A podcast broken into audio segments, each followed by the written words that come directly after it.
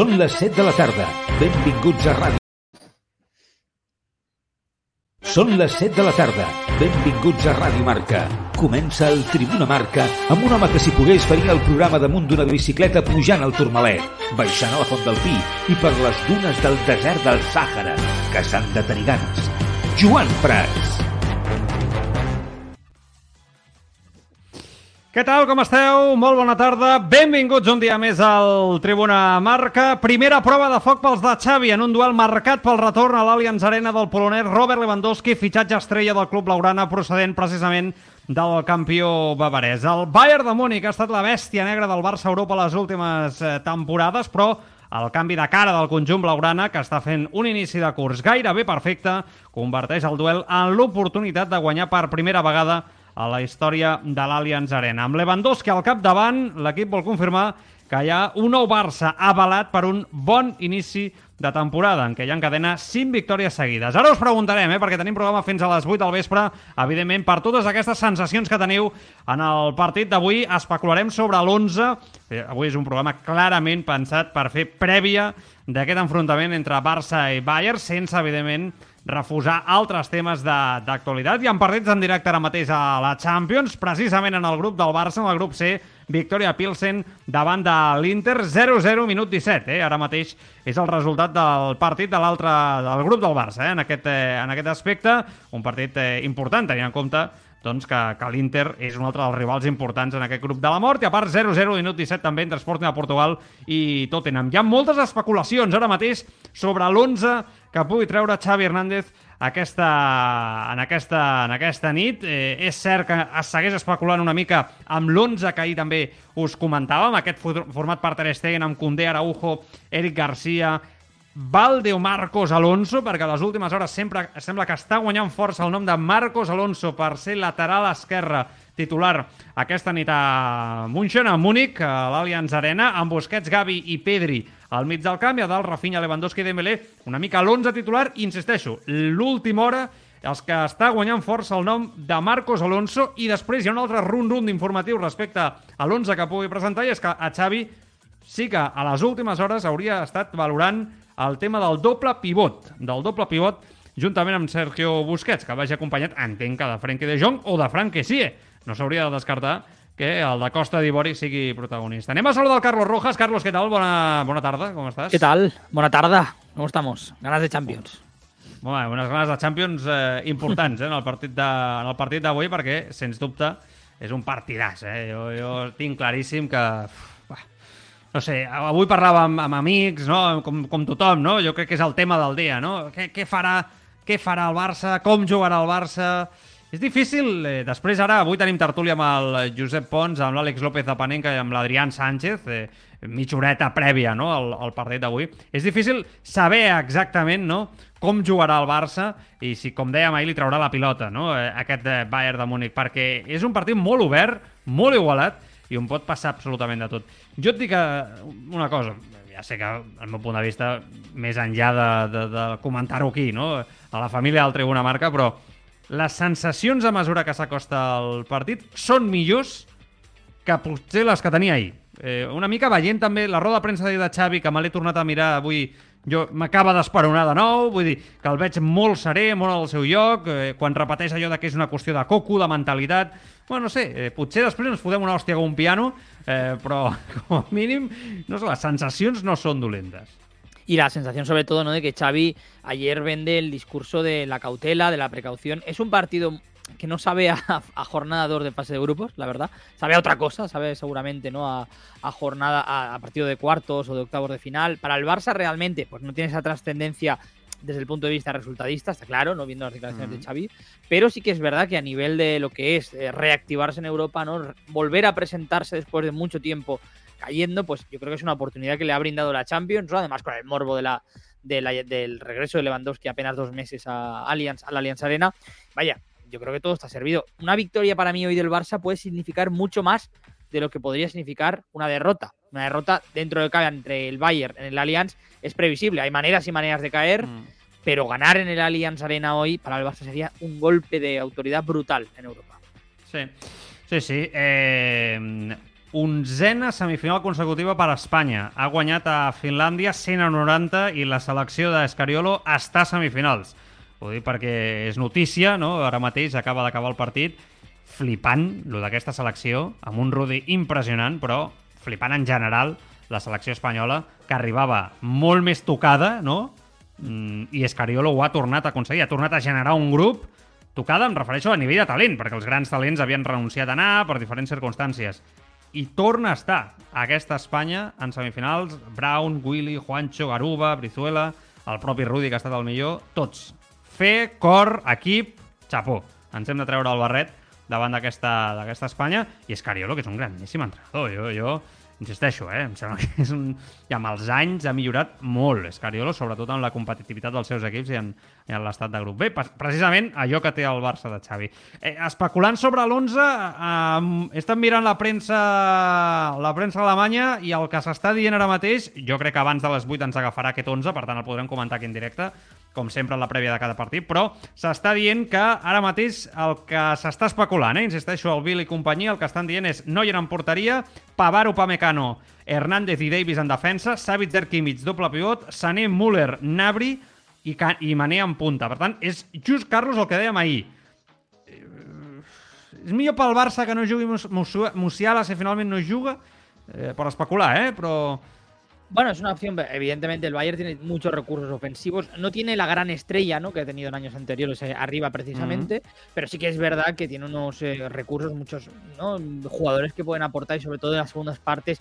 Un jugador como Musiala, si el partido se rompe, pues el Barça tiene que tener mucho cuidado, ¿no? Mm, en otro aspecto, como lo de la espalda de Busquets, ¿no? Que lo comentamos ayer pues es un aspecto a tener en cuenta, ¿no? Imagínate que el Barça sufre mucho en ese sentido y, tiene que, encontrarse luego incluso con Musiala a la segunda parte. Queremos si Xavi se guarda también la respuesta para la segunda parte. Pero bueno, de primeras, para mí, yo diría que, no es, que es una buena noticia per al Barça, mm. que Musiala no sigui titular. A mi em parece un grandíssim sí, jugador. Sí, es confirma aquesta, aquests rumors, perquè insisteixo, eh, a Champions especialment, aquests, aquesta rumorologia sobre els 11 acostumen a fallar, no tant a les lligues domèstiques, mm. però a Europa els entrenadors juguen molt a enganyar, eh, a ser murri no? I, i a posar aquesta carta no? que, que potser decideixen en un moment determinat a última hora i jugar amb ella no? precisament fins a l'últim moment a, al misteri.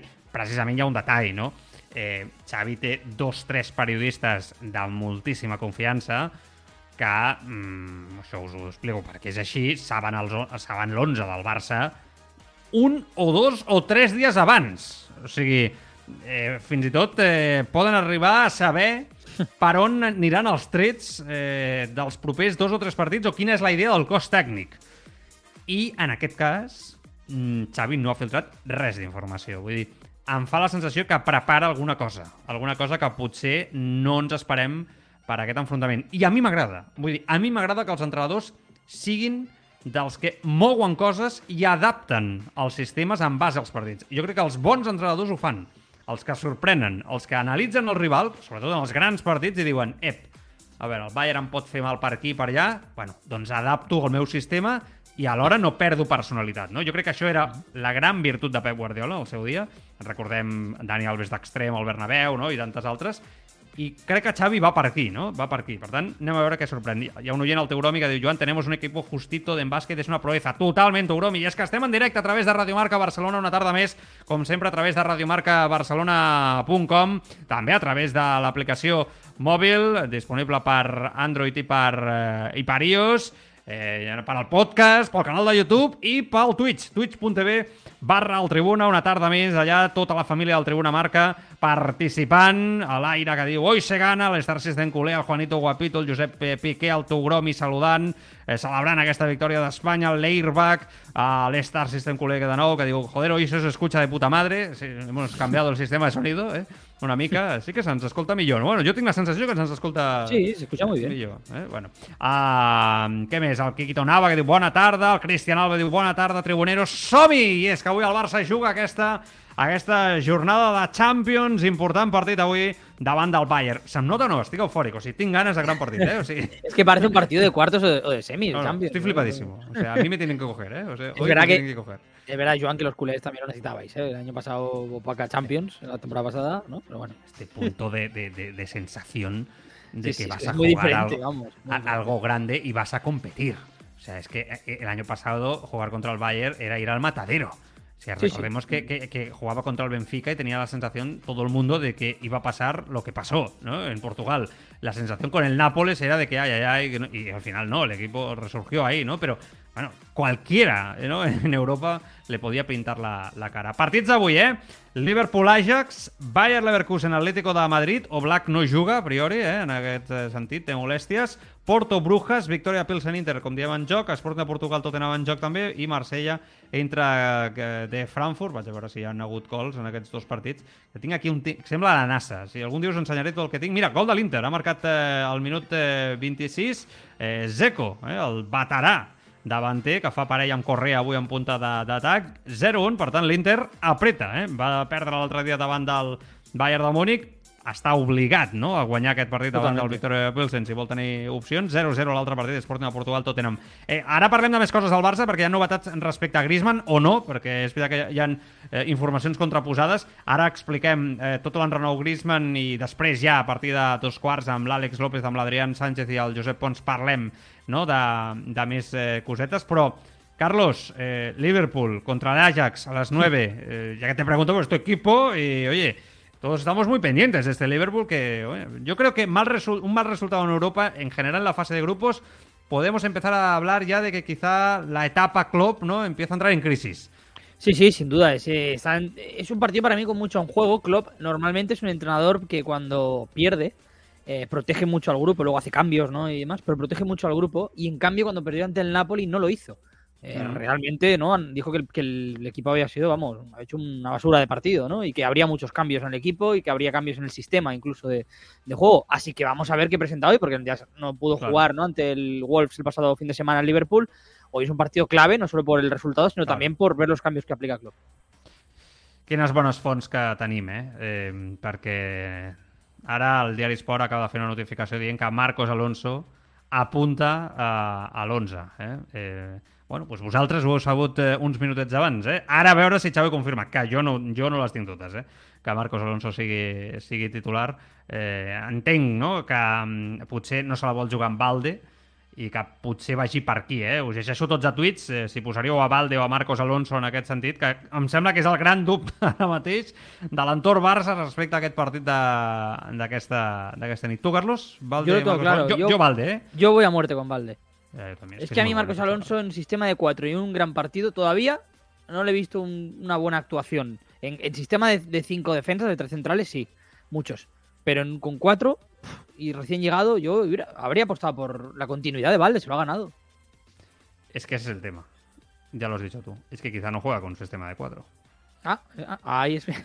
Esta es verdad. Está muy bien cambiada esa, sí, sí. Es que quizá de lo que estamos hablando hoy es que el Barça juega con Cundé Araujo detrás, ¿no? Eh, como centrales con, con Eric García. Y Marcos Alonso juega a largo. Y vamos a ver si hay alguna suplencia quizá en los interiores. Bueno, vamos a ver. O, o no, ¿eh? O, o juega con. Es que si con- cambia el dibujo, sí que tiene sentido para mí la entrada de Marcos Alonso. Ahí sí que te lo en puedo ese- justificar. En ese sistema es donde más ha brillado este jugador, ¿verdad? Exacto. Sí, sí, históricamente. ¿eh? Históricamente. sobre todo en el Chelsea de Conte, ¿no? Y, y bueno, ya venía también en, en la Mm. tempo- anteriormente, ¿no? En la Fiorentina y demás. Pero vamos, eh, yo lo tengo claro. O sea, si es, si es con defensa de, de tres centrales, ahí sí que me cuadra Marcos Alonso. Porque Mm. más que, es más carrilero que lateral Marcos Alonso. Así que claro, Sí, ahí sí sí. que tiene sentido. Sí, sí. Sense cap mena de, de dubte. Estic veient, eh? Una mica el que aneu comentant al Twitch, twitch.tv barra el Tribuna, en directe com cada tarda, ja de seguida, eh, a mesura que anem coneixent, evidentment, l'11, ho anem comentant. Fem un break del partit, eh? us sembla? I ara a dos quarts eh, tornem a parlar de nou eh, en tertúlia i analitzem ja l'última mitja hora del partit. Ja serà pendent de l'11 i, evidentment, tots els tertulians voldran dir-hi la seva, però avui és notícia entre cometes. Perquè per mi és notícia entre, entre cometes. És veritat que ens hem aixecat amb aquesta notícia de l'equip anunciant acord imminent en- entre l'Atlético de Madrid i el Barça pel fitxatge d'Antoine Griezmann jo, jo he respirat tranquil, eh? ho he de dir. El davanter que, evidentment, s'ha convertit en el gran protagonista d'aquest inici de curs per aquesta situació contractual, una situació que ha provocat, ja ho sabeu, que el Xolo Simeone li doni entrada a partir del minut 60 de cada partit a les primeres sis eh, jornades. Si Griezmann juga més de 45 minuts en més del 50% dels partits, en els quals estigui disponible entre aquestes dues temporades, l'Atlético ha de pagar 40 milions al Barça. Vale. Llavors, el diari francès assegura ara que l'Atlético de Madrid i el Barça estan negociant Jo quan ho he llegit m'ha sorprès, perquè el que teníem entès que el Barça volia denunciar, no?, en aquest sentit de l'Atlético, negociar rebaixar aquesta opció de compra. La xifra que revelen, a l'equip és de 25 milions d'euros. Vull dir que l'Atlético pagaria 25 milions d'euros, seria de l'Atlético, el Barça s'oblidaria del problema i Griezmann ja podria jugar tots els, eh, tots els minuts. Aquesta és la informació que ha publicat avui eh, l'equip. Però, però, li han preguntat avui a Enrique Cerezo i ha dit això, l'home, el president de, de l'Atlético.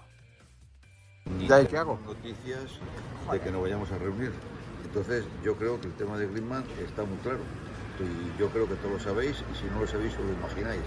Entonces, como hasta que no se solucione todo completamente y si es que hay algo que solucionar, pues entonces estamos en el mismo punto. Bueno, ahora no hay nada, pero eso no quiere decir que no se tenga que llegar a un acuerdo en algún momento, ¿no? Porque hay que acabar con esta situación. Bueno, pues si, si está para que se llegue a un acuerdo, se llegue a un acuerdo, pero te quiero decir que hasta ahora absolutamente no hay nada. Está igual que cuando empezó la, la temporada. Pero es un tema de los clubes, ¿no? Porque ya dijo Diego que él es un hombre de club y si al final juega lo que juega es por un tema de contrato, así que tendrán que solventar los clubes. Diego Pablo Simeone es el mejor entrenador que tenemos y el mejor entrenador que tiene el Atlético de Madrid. Pero cuando dice que es un tema de alguna club, pregunta del partido de esta tarde?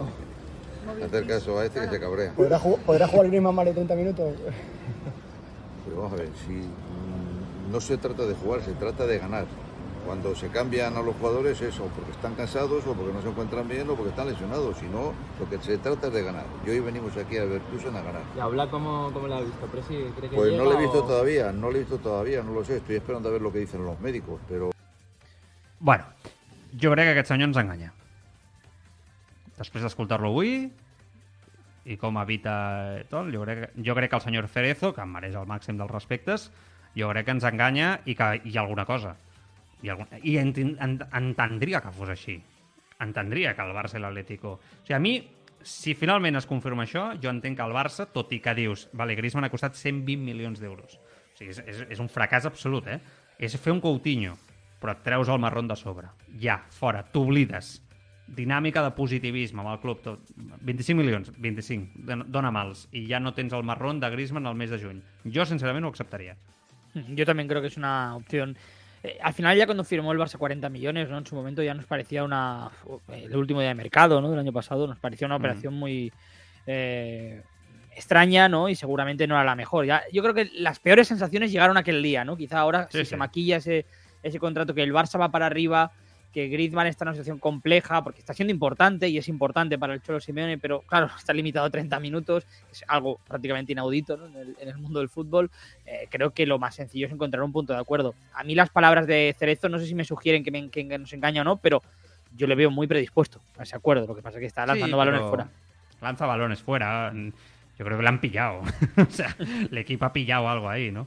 Entonces él. muy bueno, muy irónico, ¿eh? por eso, sí, sí. Al final tampoco nos lo va a explicar todo, ¿no? Pero ya, sa- ya sabemos que se reunieron.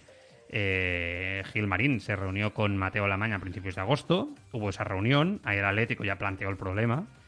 El Barça ahí no quiso saber nada. Ahora estoy centrado en el mercado de, verano, como era lógico en ese momento. Y bueno, pues el Atlético ha presionado de esta manera.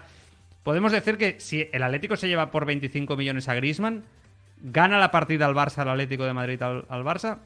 ¿Podemos decir eso? ¿Ese Yo no titular? creo, no, No, yo ¿eh? creo que no, porque, porque Griezmann Ese es el el año estado de pasado Griezmann. no fue tan exacto, no fue tan importante.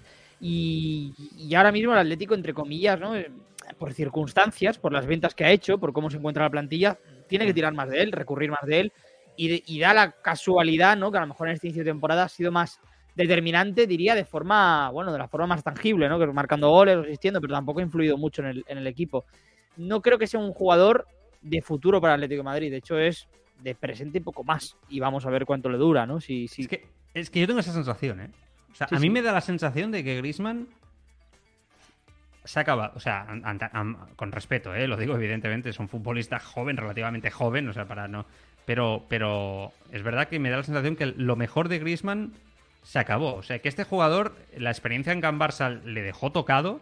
Ya en Can Barça su- sufrió una presión importante, evidentemente, que, que, bueno, no sé si lo superó o- pero a veces los futbolistas tocan techo. Coutinho es un futbolista que llegó al Barça, se vio superado y que no, no ha vuelto a ser el mismo, ¿no? Por lo que, por lo que sé. Pues bueno, un poco la sensación que tengo yo aquí es, eh, es esa. ¿Está, está Martruco eh, apareciendo en, en, en imagen ahora mismo? Hola, Marca. Como no te abras el micro, hijo. Eh, si ti- tienes el micro cerrado, Marc. Te tienes que activar el micro, sí. Pero ¿esto qué es? O sea, ¿nadie me avisa a mí de que, de que se incorpora aquí Martruco al, al programa o ha desaparecido? Bueno, pues nada, os ha pasado a saludar un momento Martruco y, y se ha voy a ido- hacer la mención. Otra vez, però no acabo d'entendre nada. Bueno, va, missatges, eh, Carlos, eh, de l'audiència. Hi, ha, hi ha un fotimer, eh, per aquí. A veure si els podem també anar, anar posant en pantalla. Eh, evidentment, parlant sobre aquest tema de Griezmann, perquè, bueno, clar, aquí hi ha moltes opinions i una mica sensacions també pel partit d'avui davant del Bayern. Ja sabeu, Bayern de Múnich-Barça a partir de les 9 partides a l'Allianz Arena. Carlos. Empezamos con el tema Griezmann, ahora que lo comentábamos, ¿no? Por ejemplo, Tuguromi que nos decía que también iban a denunciar los contratos de los jugadores. Joan es otro farol. Eh, Pro In Games nos dice, aun pagando los 40 millones nos sacaron 80. Es muy rastrero lo que nos están haciendo, que habla evidentemente del, del Atlético de Madrid. Y eh, Cristian Alba nos dice, sentarse a negociar los 40 millones es una bajada de pantalones. Y más ahora, que lo hablen a final de temporada. Y Tuguromi, por último, en este tema, nos recuerda que con el Atlético el Barça no ha hecho ni una operación buena en los últimos años. Respecto al partido del Bayern de Múnich, muchísimo optimismo. De Cerrebus nos dice, ¿cómo ha cambiado el cuento? El año pasado íbamos a un funeral y este año a una fiesta. ¡Vamos, a por ellos! De hecho, se han animado algunos a hacer porra en el chat, ¿no? Como Cristian Alba, que nos dice, firmo un Hombre. 1-2. Y yo, y todos. ¿no? Uno, dos, fantástico. Todos, Victoria todos, en sí, fantástico. Sí, sí. Tuguromi es un poco más eh, cauto, dice 2 a 2. Ojalá ganemos, pero no Lo olvidemos. importante que es hoy la imagen, ¿eh? Más que el resultado, la imagen, volver a competir, que venimos de donde venimos en Europa, ¿eh? no lo olvidemos. Sí, sí, totalmente. Y, y otro pequeño debate ¿no? que se ha formado en el chat eh, respecto a lo que comentamos entre Valde y Marcos Alonso, ¿no? Nos decía, por ejemplo, Leirback que Marcos Alonso nos pregunta, ¿Marcos Alonso tiene ritmo de competición? A lo que eh, otro oyente, JGA13MC, nos dice, sin duda, eh, Valde, si pone a Marcos Alonso, ¿qué mensaje le das a Valde? Clar. Sí, sí, és que aquest és el tema, no? Hem d'estar pendents, estem pendents de que es confirmi aquest 11 del, del Barça i aquests rumors que hi ha entorn no? a, la, a la prèvia del, del partit, però, insisteixo, eh, Valde jo crec que mereix ser titular en aquest enfrontament, coincideixo amb vosaltres plena, plenament. Més que res perquè ara mateix, és el que deia aquest oient, vull dir, el missatge que li envies al nano és, ostres, si ho he fet de meravella, porto fent una pretemporada, he començat la Lliga, vull dir, per altres joves que destaquen al primer equip els hi dones continuïtat. El cas de Gavi, el cas de Pedri, és igual, el, el, el nom que sigui. Per què jo no? no? Per què jo no puc jugar als partits grans? No? També entenc a Xavi si posa finalment a Marcos Alonso, assegurar-se la presència d'una experiència no? que en aquesta mena de partits. Però és que precisament el Barça està... O sigui, els últims anys ha patit tant per culpa de l'experiència. Vull dir, l'experiència li ha fallat al Barça en les últimes temporades. I els joves són els que han- insuflat alegria, futur, no? I, i han fet somiar els culers. Per tant, bueno, anem a veure, no? Eh, jo l'experiència, a mi, jo he acabat fartet de l'experiència. De l'experiència de Jordi Alba, de l'experiència de Piqué, de l'experiència de Busquets, de Sergi Roberto, d'aquesta experiència jo, jo he acabat fart ja. Ja, ja ha fracassat el Barça amb aquesta experiència. No em vull escalfar perquè avui és un dia per estar alegres i contents. Eh, el, tru el truco diu que ha desaparegut ja, que, que havia entrat per mirar una cosa de la, de, tècnicament, perquè ja està controlant tècnicament el, el programa eh, i se li ha connectat la càmera. Però bueno, sorpresa! Eh? Sorpresa! I ja, ja està, ja, ja ha sortit i tal, però bueno. Um, Té un missatge, el- aquest el de la porta Guinness, l'has l'has llegit? Jo, jo signo tenir la pilota, que es vegi el model a tot el món, ja prou d'aprofitar espais generats. No creia escoltar això de Xavi, tan crític amb altres eh, models.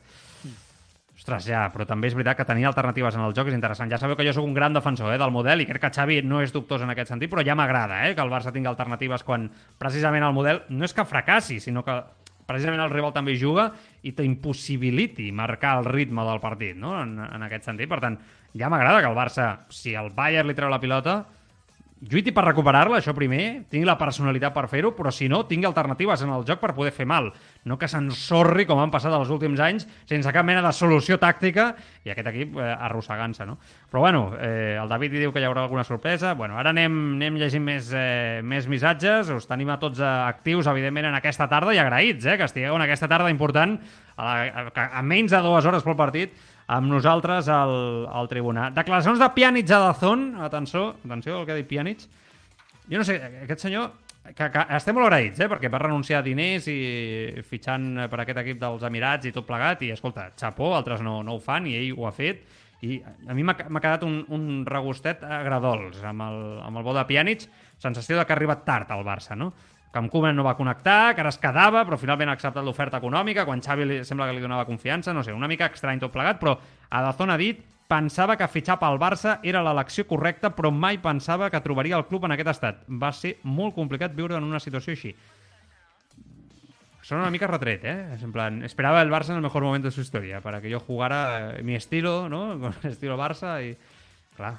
Bueno, sí, cuando llegas al Barça tienes las expectativas, ¿no? Eh, entiendo que por las nubes. Y, y además me parece curioso una cosa que has dicho de Pjanic, y es que para mí llegó tarde al Barça dos veces.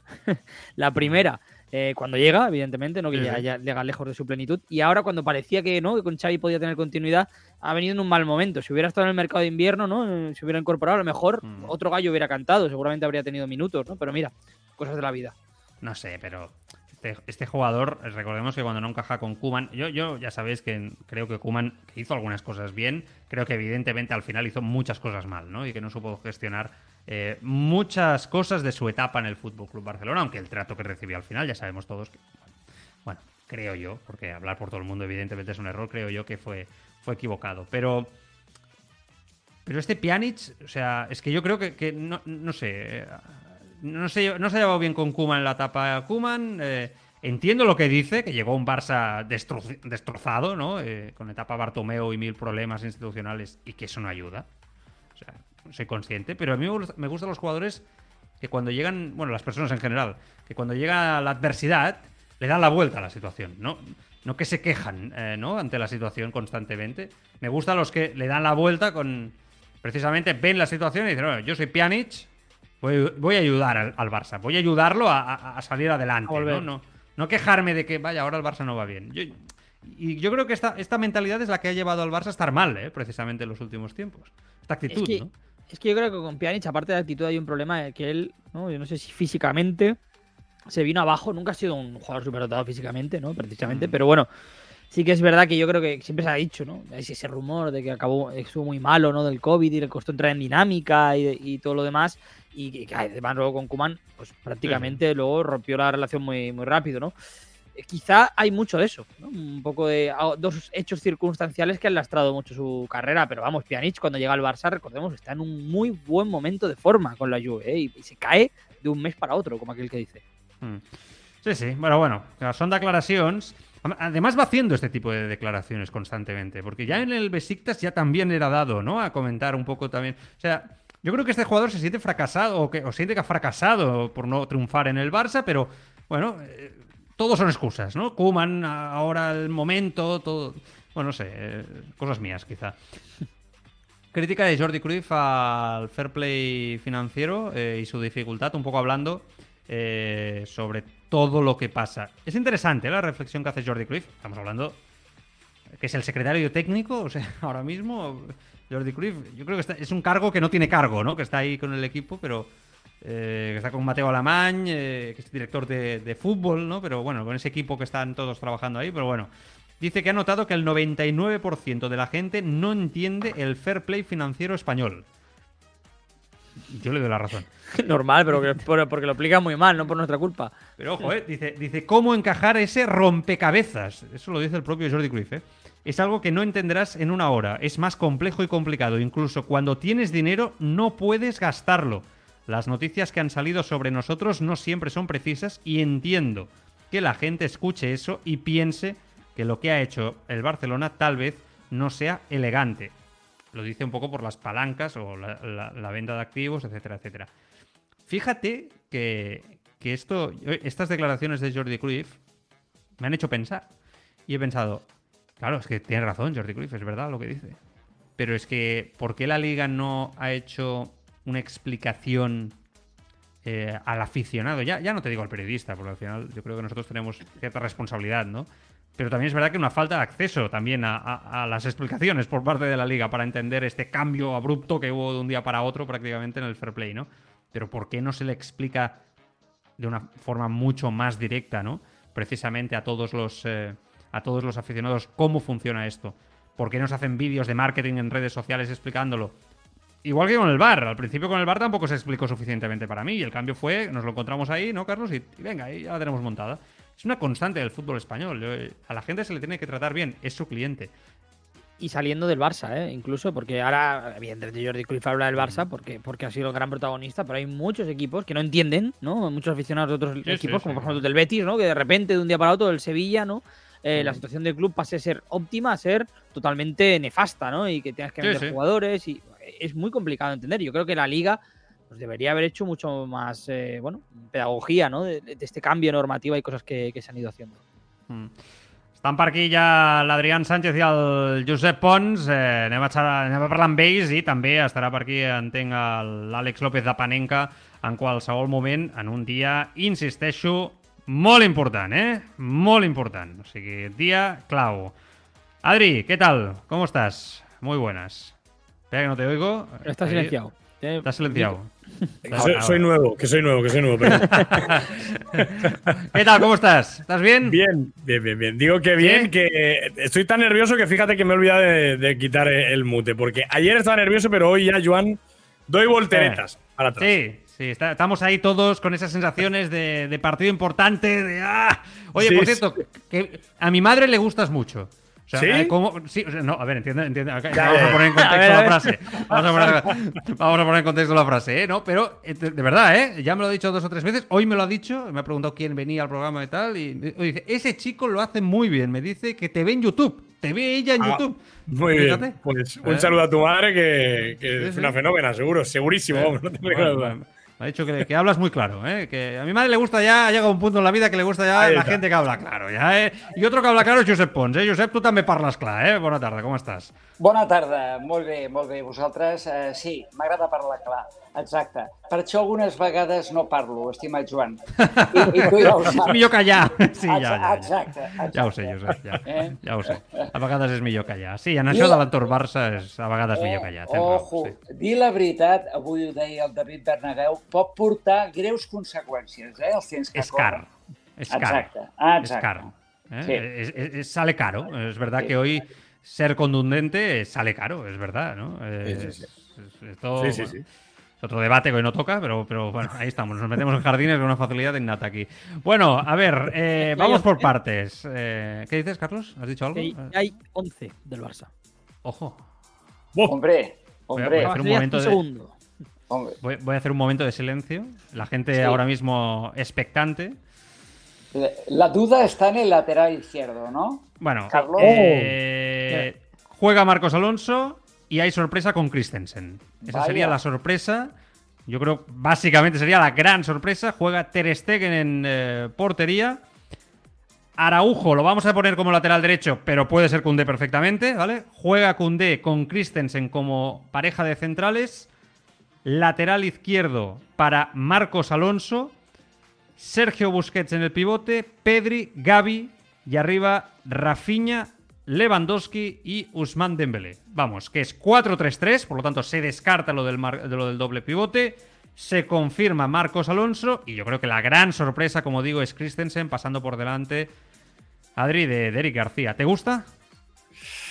No me la esperaba para nada, Joan, no me la esperaba para nada y me ha sorprendido mucho eh, lo de Christensen casi más que lo de Marcos Alonso, aunque estoy contento con la plantilla, con el equipo, pero yo hubiese apostado por otro once. ¿eh? Por suerte no soy yo el entrenador, que es Xavi, ¿eh? también te lo digo. ¿Por, por qué 11? ¿Por qué 11 hubieras apostado? Yo, yo quizá, no sé, a mí lo de no poner a Valde, lo comentaba ayer, eh, mm, no sé, no sé si es momento ahora, decía Xavi de ser valiente, pues yo creo que hoy era como para darle un capote, ¿no? A, a Valde, a Eric, decir, oye, estáis jugando bien, vais a tener continuidad en un partido tan importante como este también.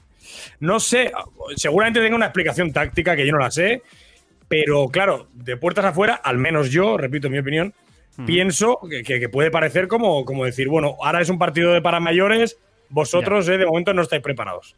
Apostar, bàsicament. Josep, eh, i ara saludo l'Àlex, eh, que ja està aquí amb nosaltres. Què et sembla l'11? Eh, coincideixo plenament eh, Mhm. amb l'Adri, absolutament. Eh, avui era dia de donar aquest marge de confiança a Valde i més tenint en compte que Marcos Alonso no està en forma. Amb el Chelsea pràcticament no va entrenar, no jugava feia temps és molt precipitat. Eh? I a més és un missatge negatiu per Valde.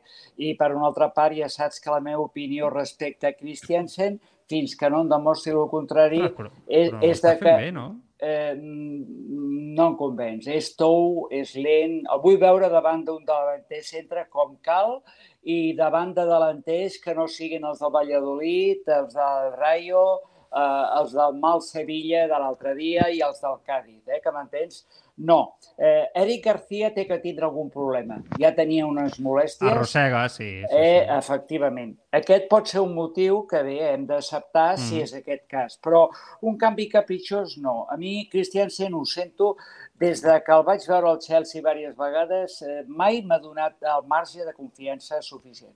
Bueno, si Eric Garcia no estava al 100%, l'opció era posar Piqué en aquest aspecte, que, que era potser bueno, l'opció... Piqué- eh, A Piqué també el vaig veure a Sevilla pesat i lent. Recordes que ho vam comentar, eh, Mm, Joan? tu i jo per WhatsApp, oi? Eh, Sí, sí. Exacte. Saludo l'Àlex eh, López Apanin, que ja està per aquí. Àlex, què tal? Bones. Què tal, Joan? Molt bones. Molt Home, per bones. fi, per fi, per fi puc coincidir, eh? Que puguis entrar. Sí, i fins a l'últim minut, jo ara tinc un nen de 3 mesos i un altre de 5 Sí. anys, o sigui que fins a l'últim minut no he sabut si, si podria connectar-me, perquè això és com, Tranquil·litat. com a, el dia després del 2 a 8, cada, cada tarda a casa meva. Però bueno, Tranquil·litat. Nosaltres estem amb l'Àlex. Li, li donem suport eh, en aquest moment de la seva vida. Eh? Eh, perquè la- l'altre, el gran té 5, no? M'has dit? I, i 3 mesos, no? 5 i 3, no eren? O m'equivoco? 3 mesos i el gran té 5 anys, sí, sí. Sí, vale, vale, ok. O sigui, bueno, eh, ara mateix, A tope, moment a tope. a, la- a tope, eh? Moment a tope. Què et sembla? Marcos Alonso al lateral esquerre, Christensen eh, com a parella central d'Araujo. Entenem que Condé va al lateral dret, eh, Àlex? Sí. Sí, sí, sí, això estava claríssim. Condé en aquest tipus de partits eh, és eh, l'aposta de Xavi pel lateral dret, un perfil molt Mhm. més defensiu i molt més sòlid en aquest sentit quan, quan s'hagi d'enfrontar, en aquest cas, amb jugadors com, com Mané o Sané, si està per l'altra banda. I jo ho veig molt bé. El que no veig tan, tan clar és, eh, bueno, suposo que el que dèieu, no? que, que deu tenir molèsties Eric perquè, perquè a mi el que m'està demostrant aquest principi de temporada és que Mhm. està molt per sobre mm, de Piqué, per suposat, que, que ha començat eh, bueno, a, a mig gas i dièsel i, i amb aquest nou eh, perfil baix que, que tindrà amb aquesta, amb aquesta última seva etapa, però, però clar, eh, Christensen és una moneda a l'aire. Pot sortir bé, pot ser un partit digne i, i al final el que jo estic una mica amb el, amb el Josep, eh, no, no, no m'acaba de deixar sensacions de fiabilitat defensiva, amb pilota als peus és un jugador molt, molt sanejat i que pot treure la Mhm. pilota jugada i una mica com Eric Garcia, però en defensa, ostres, eh, espero que no, que no tinguem cap susto. I, I el cas de Valde és diferent. Jo sí que veig que Marcos Alonso està molt més fet. És un fitxatge que jo de per si no en tenia massa, si, si li volies donar continuïtat eh, en aquesta aposta de Valde, perquè ja, ja l'havia tingut a principi de Lliga i Marcos Alonso va ser, doncs, al final, a l'últim dia de, de Mercato, va arribar Mm. Una mica per la porta del darrere. Un cop ja l'has fitxat, jo entenc que és per partits així. Jo entenc que si Marcos Alonso ha vingut per una sola temporada al Barça és per jugar partits com el d'avui i per tant Valde ja tindrà possibilitat d'anar acumulant minuts i, i de jugar de jugar 3-4 partits seguits quan, quan no siguin, quan no siguin d'aquesta transcendència que realment eh, li pot sortir molt bé a Valde si jugués ell, però, però no ens enganyem. Si Valde avui tingués una mala actuació i el Barça perdés 3-0, eh, quedaria molt, senyala, molt assenyalat i, i també és Però qüestió de que tingui un també. creixement. Al Sí, sí, sí, també. per això dic que li, que li podria anar molt bé a Valde també un partit com avui per consagrar-se, però potser Xavi té prevista una progressió molt més, molt més pausada i no tant de, de cop i volta fer-lo jugar avui.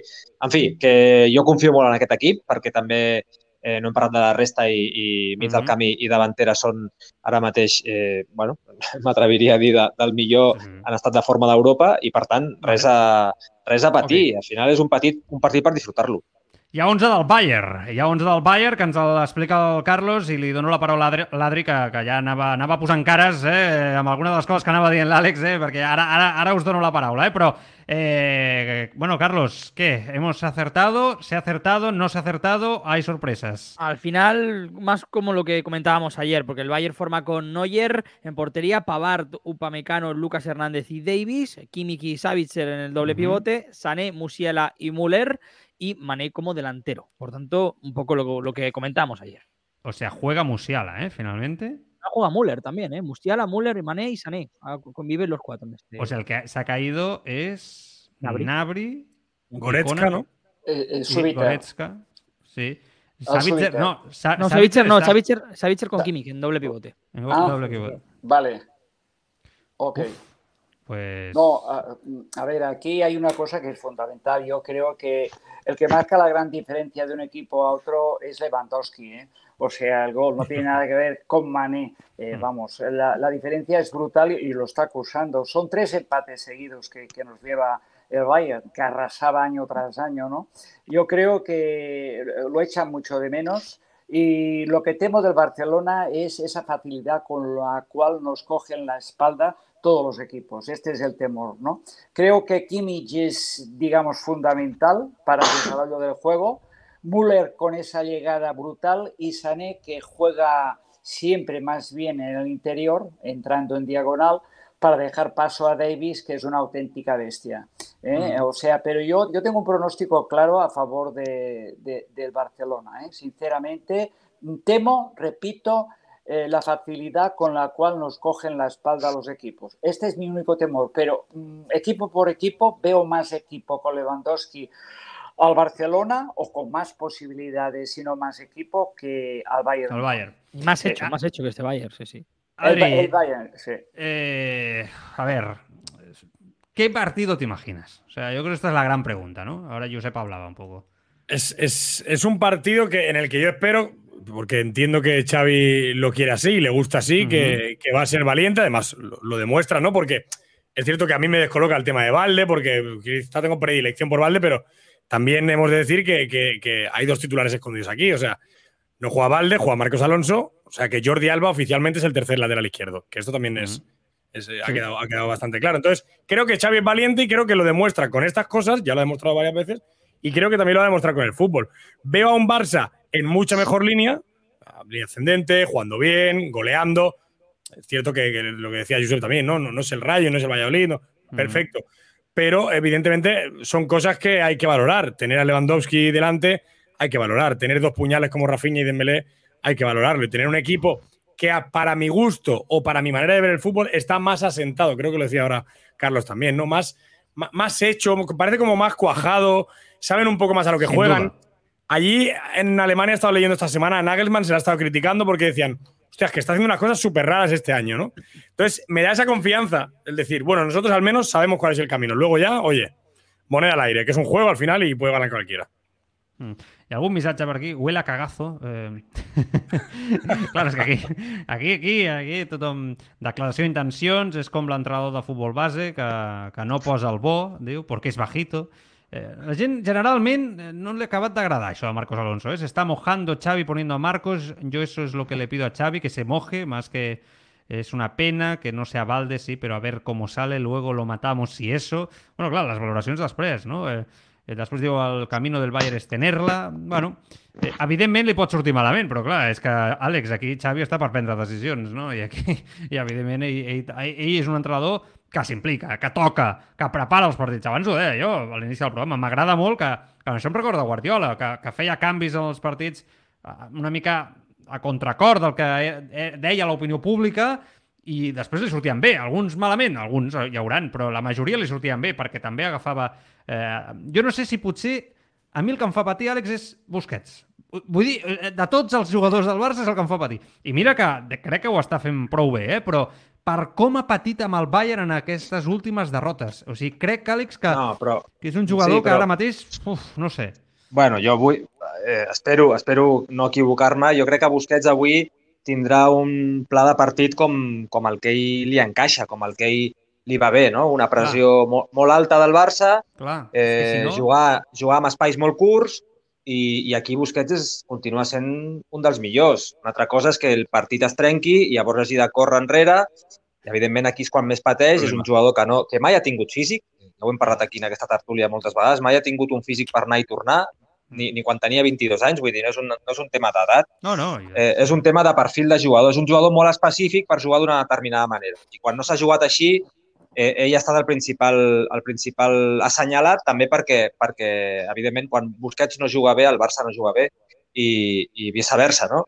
Llavors, vaja, jo espero que, que el context del partit l'ajudi i, i si, si analitzes una mica el Barça d'avui, per ser una mica positius, ostres, La defensa són tres jugadors nous, perquè són tres fitxatges, són Christensen, eh, Koundé i Marcos Alonso, respecte al que, al que veníem tenint amb aquest tipus de partits europeus les, les temporades passades. Això ja et dona, com a mínim, certa, cert aire, no? cert aire nou i, i renovat eh, per l'esperança. I després, òbviament, tens a Rafinha i tens a Lewandowski a dalt, que, que amb un Dembélé també, que per cert, aquí l'hem criticat, jo l'he criticat moltíssim a Dembélé Tots, perquè per mi, tots. per mi era un altre futbolista completament diferent i mèrit absolut, 99% del mèrit de Xavi Hernández d'haver-lo sabut recuperar, haver-li ensenyat, i ho diré amb aquestes paraules, haver-li ensenyat com es juga a futbol i, i haver-li ensenyat com eh, pot rendir mà- màxima eficiència el seu rendiment. I, ostres, amb aquest Dembélé i Rafinha i Lewandowski crec que el Barça pot aspirar almenys a, a intentar guanyar avui. No sé si guanyar, però almenys intentar-ho, cosa que mm, fa quatre dies era impensable.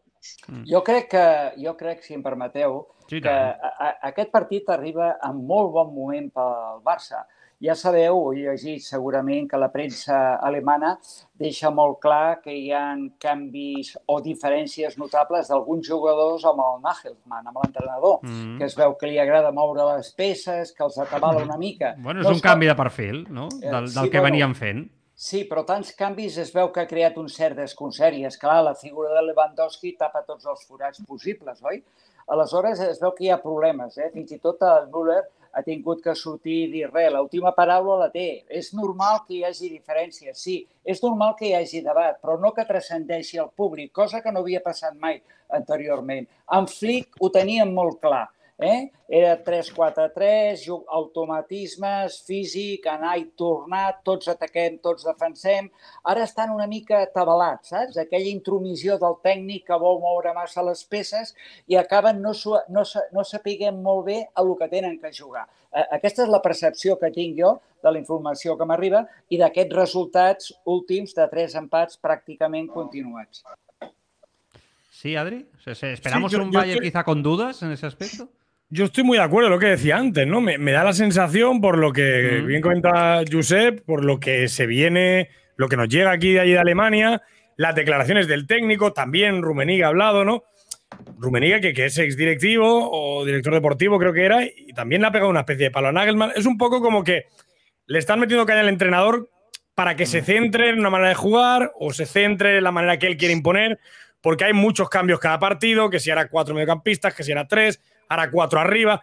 No han sabido encontrar, Joan. eh, lo decía Josep y estoy totalmente de acuerdo. Lewandowski, como aquí Messi en su día también, tapaba muchas cosas, es normal.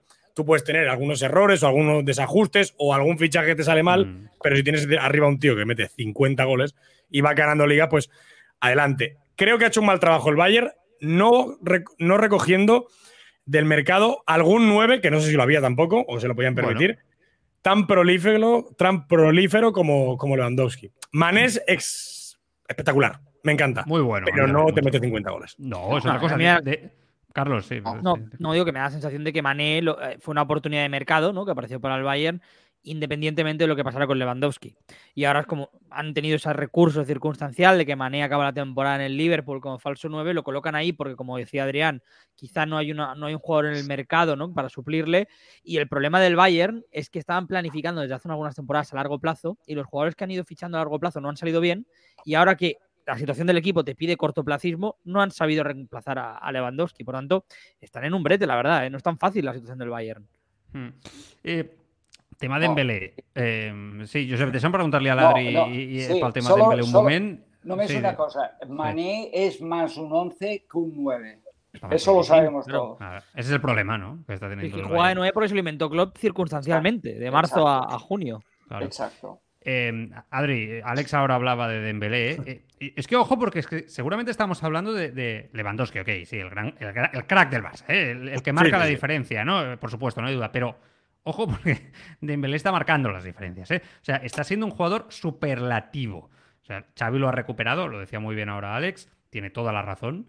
Pero es que estamos hablando de un jugador que mm, vamos a ver hoy, ¿no? Pero yo, si hoy, hoy se consagra, si hoy mantiene este nivel de jugador decisivo en el Allianz Arena, ojo porque yo creo que hay un paso adelante con Dembélé muy importante.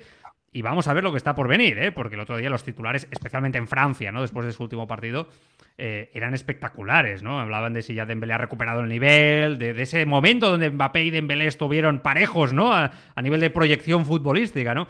Yo, yo es que estoy muy flipado, ¿eh? sinceramente, con Dembélé. A mí me pasa igual, me pasa igual. Y ya sabes tú que yo tampoco soy de los No, grandes lo admiradores de Dembélé.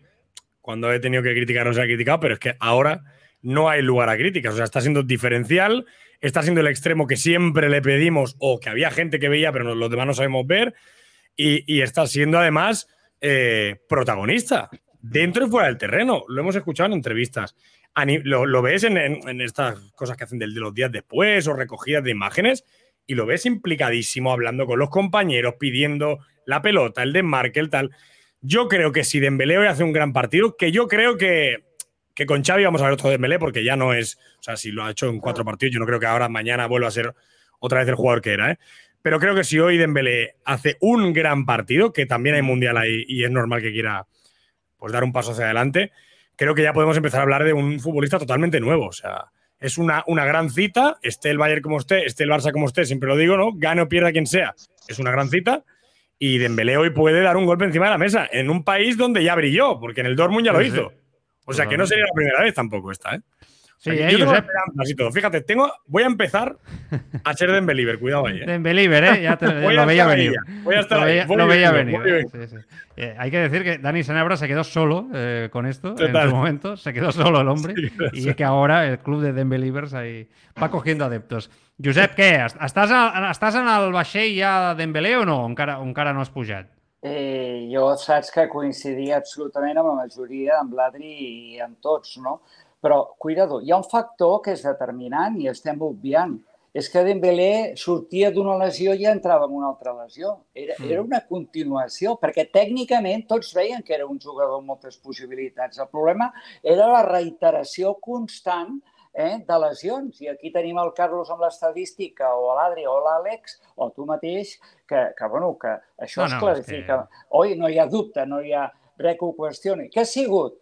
Que ha madurat amb el sistema d'alimentació, de descans, de recuperació, eh, té un fisio, té un metge, té un dietista, eh, porta millor vida, entrena millor... Pues tots els factors, si són això, fantàstic. No és que sigui un jugador de vidre com tots pensàvem, però a mi el que em molestava més del Dembélé, a part de les lesions, és en molts moments l'actitud passiva, la falta de professionalitat. I el que i el que Però m'arribava... Xavi ho deia ahir, eh, Josep? Sí. Xavi deia en la roda de premsa, Sí. ho va dir moltes vegades, que el que ha aconseguit canviar especialment és la mentalitat. Absolutament, absolutament. I el que m'arribava, de que arribava tard als entrenaments, eh, que era una actitud molt poc professional. Sí, jo era dels que volia Dembélé fora i celebro molt haver-me equivocat. Bueno, hi ha un altre jugador que és Rafinha, que, que pràcticament és titular indiscutible en aquest, en aquest Barça, Àlex, però sí que és veritat que amb Ansu Fati segueix un pla, no? Com diu Xavi, ho ha dit moltes vegades, a poc a poc va entrant en dinàmica. Ho puc entendre, eh? Però avui és, avui és un partit per Ansu Fati, encara que sigui des de la, des de la banqueta. Però aquest, aquests partits són per als grans jugadors, els determinants. Rafinha ho és, eh? Per mi no al nivell d'Ansu. Jo, Ansu es creix en les grans ocasions, jo crec que això és, eh, és una evidència. Què? Rafinha, Ansu Fati... Què, què, què... Jo- què et convida a tots aquests dos noms? Sí, no, jo, jo avui, avui, si jo hagués estat Xavi, hagués fet el, el mateix plantejament. Sí? Ok. Dembélé, Dembélé, Lewandowski i Rafinha. Per què? Doncs perquè Rafinha ara mateix està en un moment de forma i, i en un moment ascendent important. Mm. I és el que tu dius, Ansu Fati, sortint des de la banqueta, eh, perfectament et pot eh, fotre el gol que, que, que, està, que està acostumat a fer en pocs minuts, eh, pot aportar aquesta, aquesta frescura que segurament eh, en un partit encallat o, o fins i tot guanyant-lo doncs, eh, pot aportar eh, sempre Ansu Fati, però no el veig per 90 minuts, no el veig per, per eh, encara per llargues estones de, de competició, de, de, de ritme alt. El veig, ostres, no vull ser pessimista, però el veig un mm -hmm. pèl per sota a nivell físic. El veig una mica sí? en els duels individuals, en els, en els sprints, eh, contra el defensa el veig encara una mica per sota del que estava abans. Quan, quan prova un contra un, que, que m'agrada perquè el tio encara està, bueno, encara, tot i estar una mica per sota físicament, eh, doncs eh, té confiança en si mateix i ho prova, ve- veus que, que Mhm. intenta fer eh, estirar la pilota llarga, intenta fer la, la jugada personal, però eh, moltes vegades veus que no, que no arriba, no? I que, I que encara li falta, jo crec que li falta un punt, si, si posem percentatges, deu estar al voltant del 60 o 70% del, del seu estat ideal i, i quan arribi el 100% per mi, òbviament, en aquest punt sí que és titular indiscutible perquè Ansu Fati té mm, una no sé què, una... Sí, sí, algo, crac, no? Aqu aquella cosa que no saps com descriure, que, aquell talent, exacte, que, que realment eh, el fa estar per sobre de Ferran Torres, del propi Sí, sí. Rafinha i, i fins i tot de Dembélé. I a sobre té vocació per la seva feina, que això és molt important. Tu pots tenir el talent, però no pots tenir la vocació, no? I ell viu pel futbol 24 hores al dia. Això és el que el fa encara més especial. Josep, vas per aquí tu també? O sigui, coincideixes amb Ansu Fati, Ah, amb el teva Rafinha? Jo, jo no tinc tan clar, eh, que quan Ansu Fati estigui al 100% serà titular indiscutible. Ho dic perquè Dembélé i Rafinha els veig molt finets i estan guanyant molt terreny, eh? Sí, sí, no, i eh, totalment d'acord amb l'Àlex, eh? absolutament. Eh?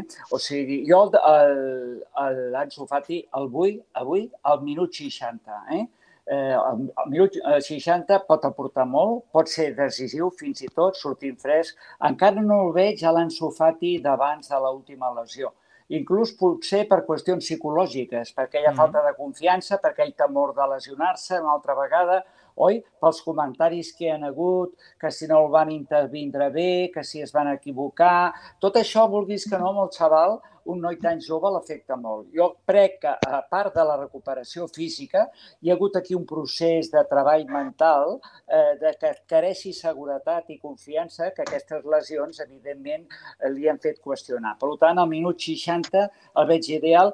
Rafinha, com ha dit, Rafinha, com ha dit molt bé l'Àlex, està en aquest moment en un gran És moment bo, de, eh? de És bon forma. fitxatge, eh? Sí, i tenim un trident, tenim un trident amb Rafinha, Lewandowski Dembélé d'autèntic luxe, sincerament. Jo no el canviaria. Igual que al centre del camp, potser Busquets, com dius tu, amb un partit d'anada i tornada com pot passar, pot patir una mica. Bueno, si el Oi? Barça domina, no, no patirà. Si no... Ah, sí, sí, però si domina el contracop del Bayern pot ser mortal. Cuidado. I després hi ha un altre, hi ha un altre aspecte, Joan, Mm. que en el cas d'Ansu Fati, eh, dic, que és purament tàctic i, i, i al final és que Ansu Fati és un extrem fals. És un jugador que, que aca- acaba vivint la major part dels minuts per dins, és un jugador que necessita associar-se constantment amb, Sí. amb, amb el que està passant eh, al mig del camp, amb, amb Lewandowski, en fi, és un jugador que, que també necessita aquesta llibertat per moure's per, per on ell vulgui. I en canvi Xavi, crec que aquest, eh, aquest manual d'instruccions que té, sobretot en aquest principi de temporada, és dos extrems molt oberts, Rafinha i Dembélé compleixen, compleixen perfectament aquest, aquest rol. A més, Rafinha és un, és un d'aquells extrems que, que pràcticament viu fora del, de la línia de cal i, i quan rep doncs és quan pot sortir per dins, pot sortir per fora i Dembélé és, és exactament igual. I jo crec que per aquí també va una mica l'explicació, no? per, aquest, per, aquesta, mm, per aquest concepte tàctic que de moment Xavi, sense un Jordi Alba, per exemple, que, que et cobreix aquella banda esquerra, eh, doncs vol, vol, vol apostar. Mm. Adri, decías, ¿no? Sí, pensaba, eh, iba a postillar esto, justo lo, ha- lo ha dicho Alex, tal cual. Creo que, que, que Ansu Fati, a, a pesar de que es el talento en bruto más grande, seguramente junto con Gaby que tenemos en la plantilla y, y en el, y en el equipo, y todos sabemos que en el futuro va a ser pues, el baluarte, creo que para la idea que ahora mismo, tal y como decía Alex, ahora, a día de hoy, eh, tiene Xavi, pues es otro tipo de futbolista. Para momentos, decía Josep, el minuto 60, yo creo que está espectacular, aparte que también le irá bien para recoger confianza, pero es que el dibujo y la manera en la que juega este Barça necesita, creo, de, de- de esos extremos abiertísimos y que den amplitud total a- al campo. Y claro, es que es lo que decías tú, ¿no? O sea, es que Dembélé y Rafinha lo están haciendo. Claro, claro. no todo de 10 no, pero bueno, de 9 y medio vamos a ponerle. Están en un nivel altísimo. También te digo una cosa, si Ansu Fati sale siempre en 60 y marca golitos, Oye. asistencias y tal, no, sí, oye, genial, pero también el chaval eh, va- o sea, los jugadores La ahí, ¿eh? Sí, sí. ¿eh? Y, él- y él va a apretar y él se va a intentar ganar el puesto y él, si sigue así, Xavi va a tener que decidir. Eh, es verdad que está jugando bien, ahora es, bueno, yo creo que lo ha dicho Alex, ¿no? Poco a poco, entrando en dinámica, físicamente quizá, bueno, podemos estar más o menos de acuerdo sobre cómo Mm. esté, pero, pero ahí... detrás, Exacto, pero bueno, hay que, hay, hay que, Pues a mi, hay que ver. Sí, a mi em preocupa més, eh, em preocupa en el sentit de que al final pot ser molt més, psicològicament molt més dur per ell, el Sí. cas de Ferran, perquè clar, al final... Mira, ahora te preguntar, pero no llena dit. ¿Os, os dais cuenta que nadie habla de Ferran Torres? No, és que, és que Ansu Fati està en un moment de la seva carrera, per dir-ho així, que surt de lesions, que ha d'agafar el, el seu estat de forma ideal, etc. No? I l'explicació tots l'hem donat ara i la trobem bastant coherent amb, Sí. amb, aquesta, amb aquesta suplència, no? amb aquestes suplències acumulades. Però el cas de Ferran clar, és un futbolista que ve per 50 quilos, No, no, clar. que, que ha de ser, o, o, o l'any passat ja ho era, no? ja havia de ser com, com el referent. Recordo molts partits tirant ell les faltes, eh, assumint uns galons que per mi no havia d'assumir, perquè realment no, no té aquest, de moment encara no té aquest, aquest, aquesta, aquesta autoritat guanyada. I, I, ostres, ara, de cop i volta, mm, és un futbolista que segurament és el cinquè davanter de l'equip. Cinquè davanter per darrere dels tres titulars i d'Ansu Fati. La qual cosa, mm, aviam com, com evoluciona la temporada, segurament hi haurà lesions, hi haurà moments per, per tothom i, i els ha d'aprofitar, però si no, ostres, no sé si, si Ferran estarà molt a gust massa, massa temps així. Aquí hi ha una Eh, persona que creu que ja és un fitxatge fracassat, eh, Josep? Per, per, ja, eh, sí, sí, Ja m'ho has dit moltes vegades, però. Eh, ro- rotundament. Eh, a mi amb el València fa les coses molt maques, sempre sembla que les vagi a culminar, però, però mai acaba. Eh? Vull dir, mai acaba. A mi no m'ha demostrat ni amb el València... Però ni- paciència, no? És molt jove. No, no, no, no, si té 22 anys. El Gavi, té, el Gavi n'ha fet 18, perdona. I el Dembélé ha esclatat amb 25, imagina't. Eh, sí, home, però no posis el Dembélé, Joan. No posis el Dembélé que no es pot posar amb aquesta terna. Jo, sincerament, eh, a mi, ni amb el València, ja et dic que feia coses maques, que va tindre molts problemes eh, d'actitud, que volia ser titular i, i va marxar una mica així. El fitxa al City. El City, evidentment, no li va treure el rendiment, va ser decepcionant amb el City, el va saber vendre molt bé, són 50 milions, com diu l'Àlex, més 10 de variables, però són aquests variables que s'acabaran pagant. 60. Per mi em sembla l'únic error, l'únic... Christiansen no m'agrada, però ha vingut amb la baixa, no hi ha problema. No. Eh? Per mi ha sigut l'únic error... En fitxatges. Que, em, sí, l'únic error en fitxatge. Espero tindre que rectificar perquè m'ho demostri amb els fets. Mm -hmm. Adri, quedas tú. Eh, no sé. Y acabamos con esto. Eh, a mí con Ferran también es un, es un expediente X para mí. O sea, yo creo que se pagó el gusto y las ganas, que necesitábamos algo, que Xavi creía o veía, o la dirección deportiva, que, que nos podía aportar Ferran. ¿Pero va a fracasar? ¿Lo ves que va camino de fracasar? Yo creo que va a ser un futbolista, no, no sé si fracasado, porque es muy joven, pero va a ser un futbolista al que le va a costar integrarse y que no creo que estemos lejos de hablar de, de- de cesiones o ventas en los próximos mercados. Estoy totalmente se- seguro, porque además hablamos ahora de Ansu, Rafinha, pero es que Ansu está por delante de Ferran. Sí, sí. Y es que, tanto. bueno, Oh, entonces, claramente. si Rafinha está por delante de Ansu, ¿a cuánto está de Ferran, no? Por supuesto. Es, es un problema, es un problema. Yo creo que se, acabará siendo un problema. Ojalá y me equivoque, porque de verdad todo el mundo habla maravillas de Ferran. Pero a día de hoy lo veo negro. Momento porrita. Y también va para el chat de, de Twitch, eh, que pueda la gente ir poniendo ahí su resultado. Adri, empiezo por ti. Va. No me gusta nada las porras, ¿eh? eh 0-3. Venga. Joder, pues para Vaya, no gustarte. Vamos fuertes, ¿eh? Cullons. Será porque no ganan nunca, ¿no? Es complicado el resultado. Exacto, por eso no me gustan, Carlos. Josep. 2-3. Collons, partit amb gols, eh? O sigui, t'imagines allà un partit? Sí, jo veig un partit d'anada i tornada, sí. Vale, ok. Àlex, 0-1. 0-1, eh? Sigui... és que no canviarà. És que ja fa molts anys ja que, que l'Àlex ve aquí a les tertúlies i, i ja. En fi. Vale, vale, ok. Sí, sí. Bueno, per, per no dir el 0-0, no? O l'1-1 o... No, no, jo crec que guanya... el Barça crec que guanyarà avui, la veritat. Vale, vale. Crec que guanyarà, no, no, no m'imagino un 0-4, Mhm. però crec que el Barça, mm, si, si no encaixa, si no encaixa ràpid, allò que se li complica, la, la típica nit europea que, que no Sí, saps per què ja drama, han fotut un gol al minut 10, al minut Sí. 3, però, però si no, bueno, Vale, 1-2, 0-1... Però ningú signa l'empat, eh, de primeres? O sigui, ningú No, diu... no. no, no, eh? O sigui, ningú Sí, diu... sí, jo, Allianz, jo, zero. jo el signo, jo el signo. Veus, veus? Jo el signo, sí. Sí, sí. Sí, jo sí. també, eh? Sincerament. No, tinc, no, veig, no veig que sigui un problema. No. L'empat és un bon resultat. Home, i més d'on i venint, d'on- ve- venint vens a Europa... Es buen resultado, pero este Barça está para ganarle al Bayern. Ah, soñar, Total- ja, ja ho dice Totalment Xavi. d'acord, totalment Venga. d'acord. Joan, si no me manera, invites en dos semanas. ¿eh? Si Sí, perdemos, si la- Joan, hasta. si la porra, si la primero, porra és... Si la Vale. porra fos posant diners, hagués, hagués dit un 0-0, un 1-1. Ah, vale, ok. Ya que es gratis, pues mira, 0-1 Bueno, y no os lo había dicho, ¿eh? No os lo había dicho, pero tenéis que poner pasta, ¿eh? También, encima, encima, poner pasta tenéis. El efecto, Bueno.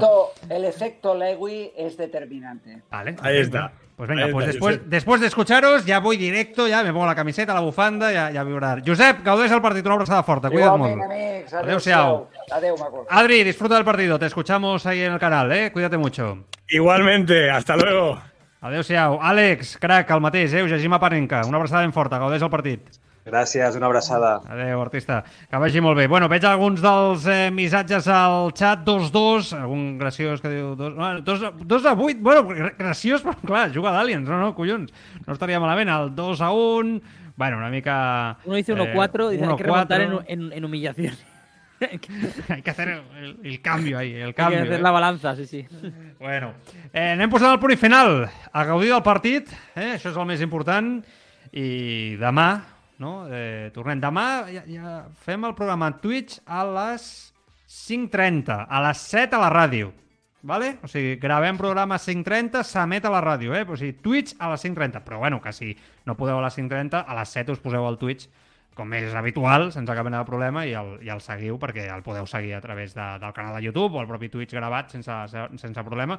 Però el Twitch el fem a les 5.30, eh? és una cosa que anirà, anirem fent alguns dies al llarg de, al llarg de, la, de la temporada. Farem el directe a les 5.30 i eh, s'emetrà després a les, a les 7 eh, per, per ràdio, per tots els canals habituals de Ràdio Marca, i si no teniu també el, el podcast. Eh, jo digo el